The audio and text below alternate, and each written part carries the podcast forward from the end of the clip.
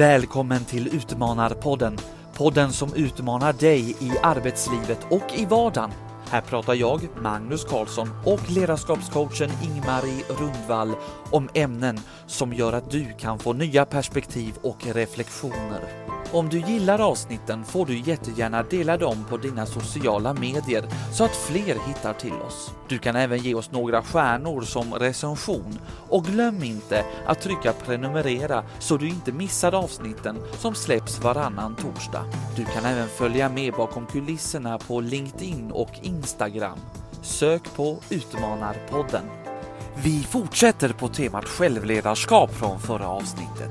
Då pratade vi om saker som har format dig fram till idag och denna gång handlar det om värderingar som har funnits med dig sedan du var ung eller som du har fått med dig längs vägen. Låt höra hur det går när jag och Ingmarie gör övningen i detta 69 avsnitt.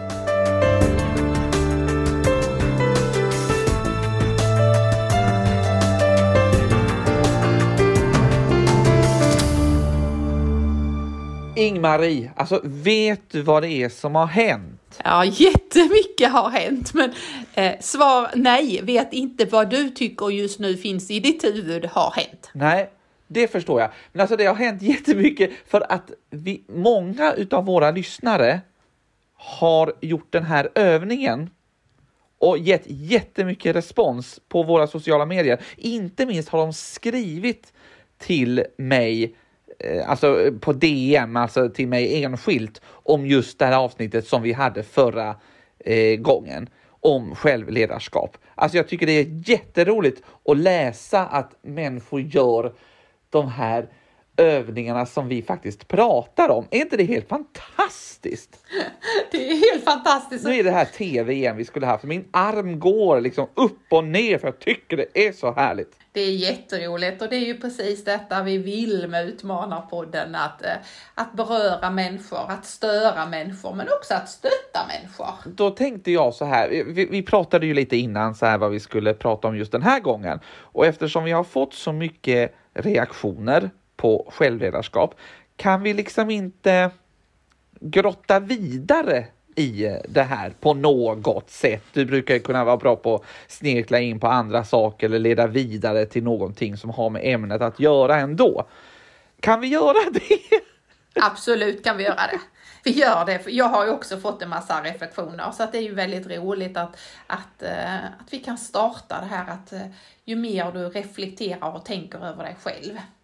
Eh, det är ju till och med så här ju att eh, några av de andra avsnitten som verkligen har satt igång tankar handlar ju om medarbetarskap. Eh, och då har man ju haft många tankar. Ja, men hur, hur ska man göra för att min kollega ska bli bättre? Eh, ja, du hör hur illa det låter när man säger så. Eh, hur får man, hur, hur, ska min kollega bli bättre? Nej men vänta ett tag, så är det ju inte. Det är ju du som måste vara med och bidra med någonting. Och... Det har vi också pratat om i de här konfliktavsnitten var ju samma sak, att du måste också ta kontroll. Du är en del av den här konflikten. Ja, precis. Och då blir det lite så att jobba med självledarskap gör ju att du mår bättre, du får fler verktyg, du ser dig själv, du kan zooma in och ut på dig själv och du blir en bättre kollega. Kanske därför att du blir mer närvarande. Du har kanske hittat lite strategier så att du inte blir lika stressad. Eh, du kanske känns lite mer här och nu. Har du jobbat med dig själv omkring det här att eh, hur förhåller jag mig till saker och ting? Ja, men då kanske du blir mer pålitlig. Du, du blir någon att räkna med. Man kan veta vad du tycker därför att du har börjat sätta ord på vad du tycker. Så då vet jag, vad jag var jag har Magnus någonstans. Man kan lita på dig. Jag tror också att det, det blir lättare att förstå en människa som har jobbat lite med sig själv. För då, då vet man, ja just det, det är så här Magnus brukar agera eller just det, det är ju så här han blir. Sen om det är bra eller dåligt, men det ger ju en trygghet i gruppen. Att säger vi att vi ska göra liksom, inte släppa in katterna på rummet, ja men då förstår man att du kommer reagera för man vet att du tycker om katter. Men då vet man ju det. Sen är inte det samma sak som att vi ska ta ett beslut oavsett om de här katterna, men man, det finns en förståelse i gruppen. Jag har precis den här hösten ett uppdrag där jag jobbar med en grupp av medarbetare omkring självledarskap. Så för att utveckla gruppen jobbar jag med att de ska jobba med sig själva. kan ju kännas väldigt stort på ett sätt. Det pratade vi om förra gången. Att det kan vara. Har de gjort den här övningen? Får de göra övningen då? De har gjort den övningen som handlar om vad är det som har format eh, mitt liv. Det har de fått göra. Och tanken är ju på något sätt att en grupp består ju av en samling individer. Allt som är ju liksom självledarskapet, hjärtat i att, att få till ett beteendeförändring i en organisation. Vi pratar självledarskap, vi har ju redan börjat. Vi har ju börjat med att förklara nu. Ja, det, det gagnar många att du jobbar med det. Och, och sen fanns det en massa tolkningar och det har vi också haft människor som har haft synpunkter på att eh, ja, men eh, självledarskapet, det finns ju så många olika tolkningar och vilken lägger du in i det Ingmar, är du som jobbar med detta och sådär liksom. Eh, är det inflytande på dig själv eller är det mer ett förhållningssätt eller ska du tolka det som en process eller så? Mm. Och då tänker jag, nej, men jag tror att jag gör som två andra livsideal jag har. Ett, gör det enkelt Två, reflektera över orden. Enkel tolkning, självledarskap. Det är ledarskapet vi utövar på oss själva. En ständigt pågående process skulle jag vilja säga. Ja, men också liksom en rätt så enkel tolkning att bara sätta ihop orden. På något sätt handlar det ju om att, att eh, öka medvetenheten, hitta verktyg som gör att man blir bättre på att förstå sig själv och förstå varför agerar jag? Och varför man agerar eller tänker på vissa situationer och så. Exakt. Nu fick jag en bild här.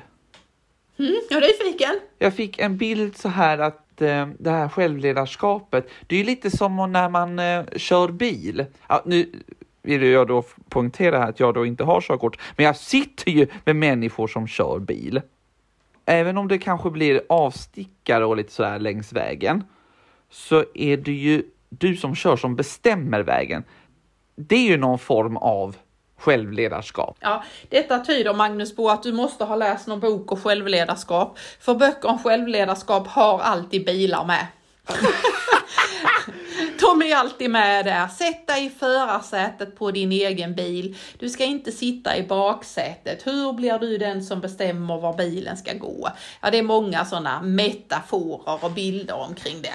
Men oj, vilken floskel jag drog nu kände jag. Det var lite floskel va? Därför så tänkte jag att eftersom det är en sån vanlig bild så skulle jag vilja fördjupa den lite. Nämligen också att att du sitter där i framsätet på din bil och de, i princip har du ju kört bil tidigare. Det är bara en gång man aldrig har kört bil innan, men annars har man ju kört bil innan. Det vill säga, du vet hur du brukar göra. Du blir liksom trygg i att det händer detta. Det är då man kan göra så här.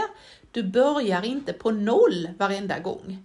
Utan ju fler gånger du har kört bil, desto mer har du byggt på dig en ryggsäck. Just det, det har jag varit med om och då gjorde jag så här.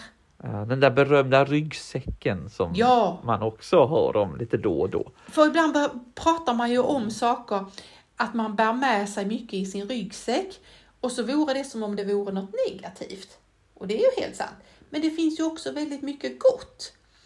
Därför att i tanken om självledarskap så ska jag ju flera, flera gånger per dag, per timme göra avvägande. Jag ska ta ett val, jag ska fundera vad tycker jag? Ska jag gå dit? Ska jag gå dit? Hur gör jag? Eh, och de där gör vi ju utifrån våra vanetankar och våra vanemönster. Och det är gott, för då får vi liksom koppla in autopiloten i oss. Och vi orkar inte som människor hela tiden ställas inför alla liksom, vilken ketchupsort ska jag ta och vad ska jag göra om inte bilen startar och vad ska jag göra och sådär. Utan då måste autopiloten gå igång, att jag vet om att Heinz ketchup, om det nu finns något som heter det, eh, är bra. Ja, bra. Då tar jag den. Eh, vad gör jag om det blir en grop på vägen? Vad gör jag om det blir ett vägarbete? Jo, men då vet jag att man följer orangea pilar. Eh, det gjorde jag en gång innan och det gick bra. Eh, vad gör jag? Och då har man byggt på sig erfarenheter i ryggsäcken som gör att man inte upplever att varenda händelse är stor, ny, frustrerande, stressande och sådär. Utan att man kan känna en viss trygghet. Jag har ryggsäcken där bak. Jag har till och med varit med om att min bil stannade när det blev rött och sen fick jag motorstopp. Jo, men jag var med om det och jag vet vad man kan göra och det kan jag göra denna gången. Oj, oj, oj. Mycket goda erfarenheter stoppar man ju med sig som man tar fram. Och som gör att vi orkar med livets komplexitet som vi pratade om förra gången. Om vi nu ska ge en övning, det verkar ju så himla populärt att ge övning, eller uppskattat menar jag. Så då tycker jag att då gör vi en övning den här gången också. Och den här gången har jag, eh, har jag funderat att vi ska göra det utifrån eh, ordet värde. Eh, eller kanske egentligen ordet värdering, men då hör du ju att värde är ju början på det ordet liksom. Att det lite skulle få vara dagens fokus. För att man pratar ju väldigt mycket om att värdebaserade organisationer, där det finns liksom uttalat vilka ja. värden som ska styra det här företaget eller som vi, vilka, det här bolaget vilar på vissa värden och sådär. Eller vilka värden vill man bidra med i vårt samhälle och så. Men då är det ju så att, att de värdena är ju bara ord till de sätter sig i människan och där människor är de som omsätter de där orden till någonting. ju. Och därför blir det likadant för oss som människor att, att vi måste veta vad är det vi vill. Eh, och det är mycket viktigare än vad det är vi borde göra eller måste göra. Jag vill slå väl måste alla dagar i veckan tänker jag. Nej, jag kan bara hålla med. Och, och nu när vi ska gå in i den här lilla dagens övning idag eh, så är det väl också likadant som förra gången att man tänker, du ska inte recensera det, men du ska reflektera och du ska våga sätta dig i utvecklingsläge. Därför att eh, när det är värderingar så kan man ibland eh, möta människor som fastnat och säger ja, så tycker jag. Jag tyckte så när jag var 12 och nu tycker jag så fortfarande. Ja. Nej, jag tyckte inte om eh, de som var mörkhyade då. Det tyckte inte min mor heller för den delen, så det tycker inte jag. Eller tycker detta, eller jag står för detta och det här är någonting. Så på något sätt måste man ju reflektera över vad är det för värderingar man har med sig, men vilka värderingar faktiskt måste man lägga bort eller utvecklas med. Alltså utgår jag från mig själv så tycker jag att värderingarna har, det har tillkommit och en del har försvunnit längs de här 36 åren jag har levt. Eh, de gör sig om. Mm. Eh, det beror till exempel om det, det var ju val här tidigare i, i höstas, några veckor sedan. Till exempel att man röstar olika på var man är i livet till exempel. Ja, och det är ju någonting som verkligen är positivt. Eh, förr var det ju så att man traditionsröstar som det hette. Så röstade mina föräldrar och då röstar jag. Eh, det eh, var ju väldigt enkelt att vara sån där eh, valbarometer på den tiden. För då behövde man ju bara räkna ut hur många barn hade de fått de som innan röstade på Socialdemokraterna för då blev det ju några röster till där liksom. Och, så är det ju verkligen inte nu. Man ser ju också att, att människors värderingar är mycket, mycket mer flyktiga. Mm. Om man äh, ändrar sig. Mm. Det finns ju många sådana valanalyser. Men om vi funderar lite på oss själva så, så kan man ju också se att vilka saker omedvetet har varit viktiga sen, sen jag har med mig. Men till exempel skulle jag vilja säga att eh, i mitt liv har alltid människor varit viktigare än grejer. Födelsedagar är viktiga. Ja men precis. Nu, ska, nu försöker jag liksom tänka på vad som är viktigt för mig, men någonting är det ju med ja, men det som jag varit inne på också, relationer är viktiga. Det finns ju jättemycket värderingar som man inte, så, eller som man gör i livet som är en värdering fast man inte tänker att det är en värdering. Och därför så tänkte jag stoppa dig nu Magnus, för nu ska du få den här övningen, för sen kommer du tillbaka där du är just nu. Därför att nu ska vi göra någonting eh, där jag får hjälpa lyssnarna väldigt mycket som vi ska försöka göra det så här muntligt då. Mm. Du ska fundera på vilka värderingar har varit viktiga i ditt liv? Och då ska du tänka tillbaka. Och finns det värderingar som har kommit till under den sista tiden som har blivit viktig? Och nu när du eh, ska börja tänka på värderingar så tänker du, ja men vad då för värderingar? Och, och ibland kan det då vara klokt att bara tänka ord För vi, i alla fall sådana människor som du och jag, vi kan bli rätt så eh, mångordiga och sådär. Men om du bara tänker ord då, så kan man tänka så här. Vilka värderingar eh, kan det man då välja mellan? så om jag bara räknar upp en himla massa värderingar, sitter du som lyssnar och funderar och så sitter Magnus och lyssnar och värderar. Vilka värderingar har varit viktiga i ditt liv? Och innan jag börjar på listan måste jag säga en viktig sak. Då är det ju lätt så här att det finns inga rätt eller fel i den här listan. För, men det är ju så här att några av de här värderingarna som du nu kommer på, de är mer eller mindre smickrande. Och just nu så är det ju vissa av de här värderingarna som vi tycker är bra och som vi inte tycker är riktigt lika bra. Skulle man gå tillbaka och kolla svensk läroplan i skolan så skulle man se att några av de här har varit väldigt viktiga förr i tiden. Mm. Och nu är de inte så viktiga. Och sådär. Sparsamhet är en värdering. Sparsamhet. Då kunde man läsa Sparbankens bok som heter Slösa och spara. Handlade om två flickor.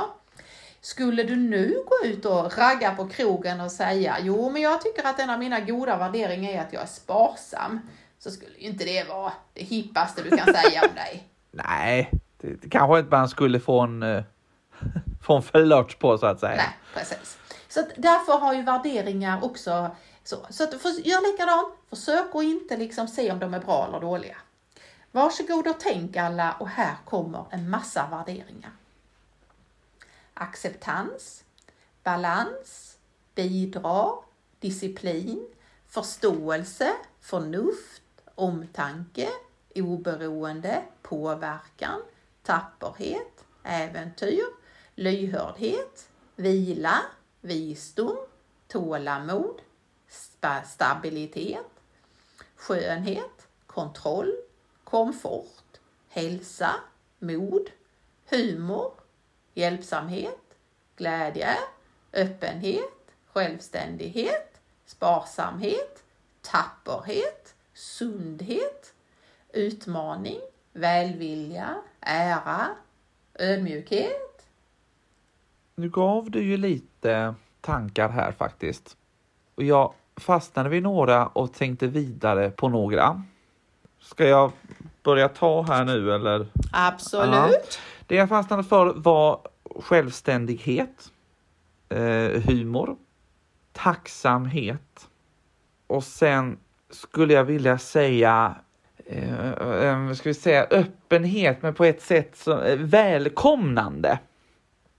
Mm. Och liksom, vad ska jag säga, stora famnen. Är det inte inkluderande? Nej. Jo, men det kan det vara. Inkluderande var bra det är de som jag liksom fastnade för hos mig. Det var de som grep tag liksom lite extra, som jag hajade till på. Var det någon av dem som kom, har kommit fram på den sista tiden? Alltså liksom så, då kände jag det här, det här är någonting som har blivit en viktig värdering för mig. Det är väl eh, faktiskt den, den sista här som vi försökte hitta lite ord på, inkluderande och så. Öppenhet, välkomnande, hela den grejen. För det är men där är också lite så här, det är en värdering som, som jag har liksom format utifrån göra tvärtom ifrån min barndom. Förstår du vad jag tänker? Så den har jag ju liksom inte fått med mig, utan den har jag format för att det är så jag vill vara liksom. Ja, jätteklokt. Du, eh, och nu är jag ju nyfiken, för du, jag tänker att du har ju gjort den här övningen själv. Ja, det har jag ju såklart. Vilka vilka har du liksom ringat in eller vad har du för några på din lista? Ja, men då har jag nog, om jag tittar tillbaka, värdering som jag har med mig, så är det eh, hjälpsamhet. Generositet. Det har jag med mig. Om jag tänker nya ord som har kommit, så är det enkelhet. Att eh, vi gör det enkelt. Eh, det där känner du igen Magnus, för du säger, jag vet att jag säger att ledarskap är enklare än vad man tror. Vi gör det enkelt. Eh, och då menar jag, vi liksom går på det vi vill åstadkomma. Vi vill åstadkomma goda samtal med djup. ja men då gör vi det enkelt. Det är ingenting som säger att det blir bättre med en trerättersmiddag. Eh, utan det är någonting annat. Och, och eh, ett, ett, ett nytt ord, ja det har ju då funnits med mig några år bakåt i ordet utmaning. Det fanns inte med mig överhuvudtaget som någon värdering för. Men det är ju en grundläggande värdering hos mig nu att, eh, att försöka utmana lite. Och utmana mig själv. Det gjorde ju du när du startade en podd. ja, precis. Som heter just det. Eh, men alltså på något sätt, det, det jag, vi, vi, kan lämna den, vi skriver det, folk får få med sig frågorna, vi kan också skriva ner en massa tankar som kan vara de här värdeorden då, värderande orden som vi vill ha med oss. Men det som är jätteviktigt, det är att alla värderingar känns i magen. Ja, ja, ja, det var därför. Ja, det var som det här ordet eh, hajade till på. ja, precis. Och, och, och, ni vet ju, vi hade för något avsnitt sedan, det sitter i huvudet. Då kan man säga, värderingar, de sitter i magen. För när vi går emot en värdering som är viktig hos oss så upplever vi frustration.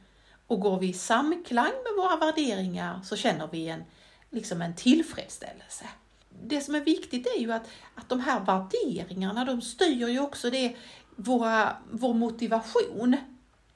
Ska vi göra ett litet avstickare här då, så, så är det ju så att man kan ju motiveras. Man kan få en yttre motivation eh, och ha motivationsfaktor och den kan vara inre. Det känner du säkert igen ju, det vi har pratat om och så. Och yttre är ju att jag får lön och, och jobbar jag lite till så får jag ännu mer lön. Och jobbar jag så jag nästan går i väggen så får jag ännu mer lön eller bekräftelse eller tack eller godast tårta eller så. Och det är ju en sån där yttre. Ja.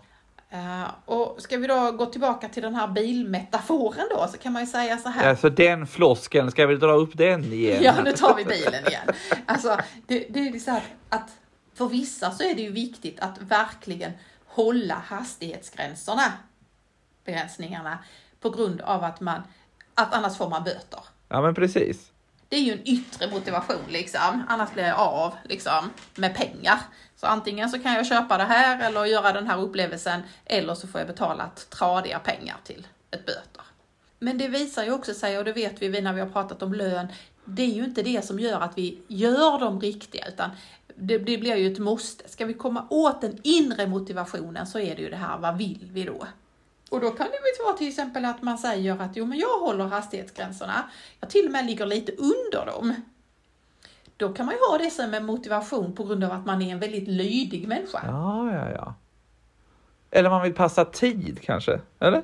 Man, man kan vara en plikttrogen människa. Ja. Och, och, man kan vara motsatsen till ögontjänare. För även om inte här är någon polis, så skulle ha varit en polis, så skulle inte jag åka dit. Det vill säga, man gör rätt även när inte fröken är i klassrummet. Man kan också ha en annan inre motivation, nämligen rent miljömässiga skäl. Hållbarhetsskäl. Att jag vill eh, bidra till en bättre miljö och, och, man vet om att ju snabbare man går, eh, kör, inte går, alltså ju snabbare bilen går, fortare man kör, vad så jag skulle säga, så, så tyvärr blir det också större påverkan på vår miljö. Och då kan man ju ha som en, en värdering, en hållbarhet och miljöskäl som gör att man ligger och kör i en vettig fart framåt. Det lät också lite som en yttre motivation. Eller kan det också vara det? Ja, fast är hållbarhet och att få ett jordklot som överlever är väl eh, också, ja, ja, det, det, vi ser ju det till yttre, men det gör man ju många av de här sakerna ju. Det är likadant med din inkludering den ser man ju om folk känner sig välkomna hem till dig eller inte, eller om du låter alla vara med eller så. Ah, ja. Okay. Men på något sätt så, det jag vill med de här lilla, lilla övningen komma åt, det är ju det här att, att dels fundera över vilka värderingar som jag står för. Och, och om man uttrycker det väldigt ambitiöst så skulle man vilja säga att man vill ha ett värderingsdrivet liv. Ja, ja, ja, ja. Alltså man identifierar och man väljer sina viktigaste värderingar, tar sin hur de tar sig uttryck och de blir liksom en viktig pusselbit i mitt självledarskap. Ja. Var vill du ankra dig själv? Och sen blir det enklare att göra val. För du vet ju. Men jag tänker att mer människor eh, mer eller mindre jobbar med det, alltså mot en värderingsstyrd, eh, ett värderingsstyrt liv. Men om jag ska göra en sak, då vill jag att eh, det ska vara knutet till en värdering som jag har, annars får jag låta bli att göra det. Jag hoppas jättemycket. Sen kan man ju vara tvungen att göra saker, även om man inte... Och vet du vad? Där du befinner dig nu Magnus, i dina tankar och när du sitter och tittar ut genom fönstret, så tror jag att du är på någonting på kornet utifrån att vi människor inte mår bra i västvärlden. För jag tror att det här är en faktor till att vi inte mår väl. Det är när vi inte får ihop våra liv. När inte den ena bilden går ihop med den andra, när inte magen går ihop med det vi ska göra. Fler och fler träffar jag nu som säger jag måste ha ett arbete där jag kan stå för värderingarna. Jag måste ha ett arbete där jag kan liksom gå i samklang. Man har andra ord för det, men på något sätt. Det är väl det som man har pratat om, förlåt att jag avbröt det här, men det, jag kommer bara att tänka på det när man pratar då om, men jag vill ha ett arbete som, som styrs av, av värderingar, att jag kan bidra med det istället för en hög lön. Och för att man ska bli, att gå på den här eh, resan att utvecklas hela tiden, det som utmanar på den vill överhuvudtaget, så tänker jag, vad är det då man behöver skaffa sig? Då tror jag man måste skaffa sig en vän. En ärlig, eh, ibland kallar man det till och med en kritisk vän, men en ärlig vän som kan vara den spegeln som du behöver för att fortsätta utveckla ditt inre. Ibland brukar man ju säga så här att man, man ska stå framför spegeln och, och det är där du hittar dig själv eller? Det är också jättebra. Eh, jag bara ville utveckla den bilden lite att, att de som är runt omkring, de kan ju också vara den spegeln som gör att jag får syn på hur uppfattas jag? Vad är det egentligen för värderingar jag har? Vad drivs jag egentligen av? Och att jag kom på det här att, att vi behöver en, någon som ser på oss utifrån var därför att jag läste två undersökningar som jag tyckte var intressanta utifrån hur ser vi på oss själva? Uh, nu kan man ju tro att vi har fastnat i bil, men nu kommer bil igen! Uh, jag vet, Magnus skrattar här. Uh, där hade man uh, tittat på det och frågat, här är snittet över hur människor kör bil. Kör du bättre eller sämre eller på snittet? Och en stor majoritet sa att de körde bättre än vad genomsnittsbilföraren gör. Så då borde ju alla köra mycket bättre Ja, eller hur? Det vill säga, vi har tyvärr en förmåga att lite förbättra oss själva än det var egentligen riktigt är. Liksom. En annan var att man hade bett människor eh, känna igen sig själv på foto som låg utspridda och så skulle man ta mm, foto, ta det som du är på dig själv. Eh, och då visade det sig att om man hade tagit ett väldigt fördelaktigt foto på mig, du vet de där tio fotona i livet som man är nöjd med ungefär liksom. uh, och man, då hade man lättare att hitta sig än man tog ett sånt som de flesta av mig fotona såg ut. Uh, och extra lätt var det att hitta sitt foto på det här bordet med massa foto om mitt foto var lite photoshoppat, eller vad heter det? Ja, ja lite, foto, lite redigerat. Liksom. Just det! Eh, och för det är den bilden vi har av oss själva. Lite snyggare och lite bättre än vad vi tror. Är det därför vi lägger filter på våra Instagram-bilder? Det tror jag absolut, Magnus. För att vi vill leva upp till den här bilden av oss själva. Så vi behöver den här vännen. En vän som är som en spegel för din egen inre utveckling. Det, var, det hänger lite ihop med det jag sa tror jag i förra avsnittet, det här med att man om man sitter tillsammans med ett gäng och då och börjar prata, då kan ju också ens värderingar, det kan ju också förändras för att man, man zoomar ut. Jättemycket. Man får zooma in, man får zooma ut, man får perspektiv. Det händer väldigt mycket när man är tillsammans med andra. Så vilken lycka att jag vet att runt dig finns det relationer, vänner som faktiskt eh, vill dig väl och som kan säga så där Magnus, där är du någonstans eller inte är där eller så. Då får man en möjlighet att växa. Jätteviktigt att ha människor omkring sig. Och gärna nya människor också, som ger nya perspektiv. Ja. Magnus, jag tänker att ännu en gång fick vi möjlighet att prata om eh, det som är att hitta sig själv. Mm. Och jag vet att du vill eh, ta vårt eh, slutord och det ska du få göra. Och så vill jag liksom ännu en gång säga, bara hör av er och lycka till. Och frågan kommer, vilka värderingar finns hos dig och styr dig? Magnus? Be yourself. Everyone else is already taken.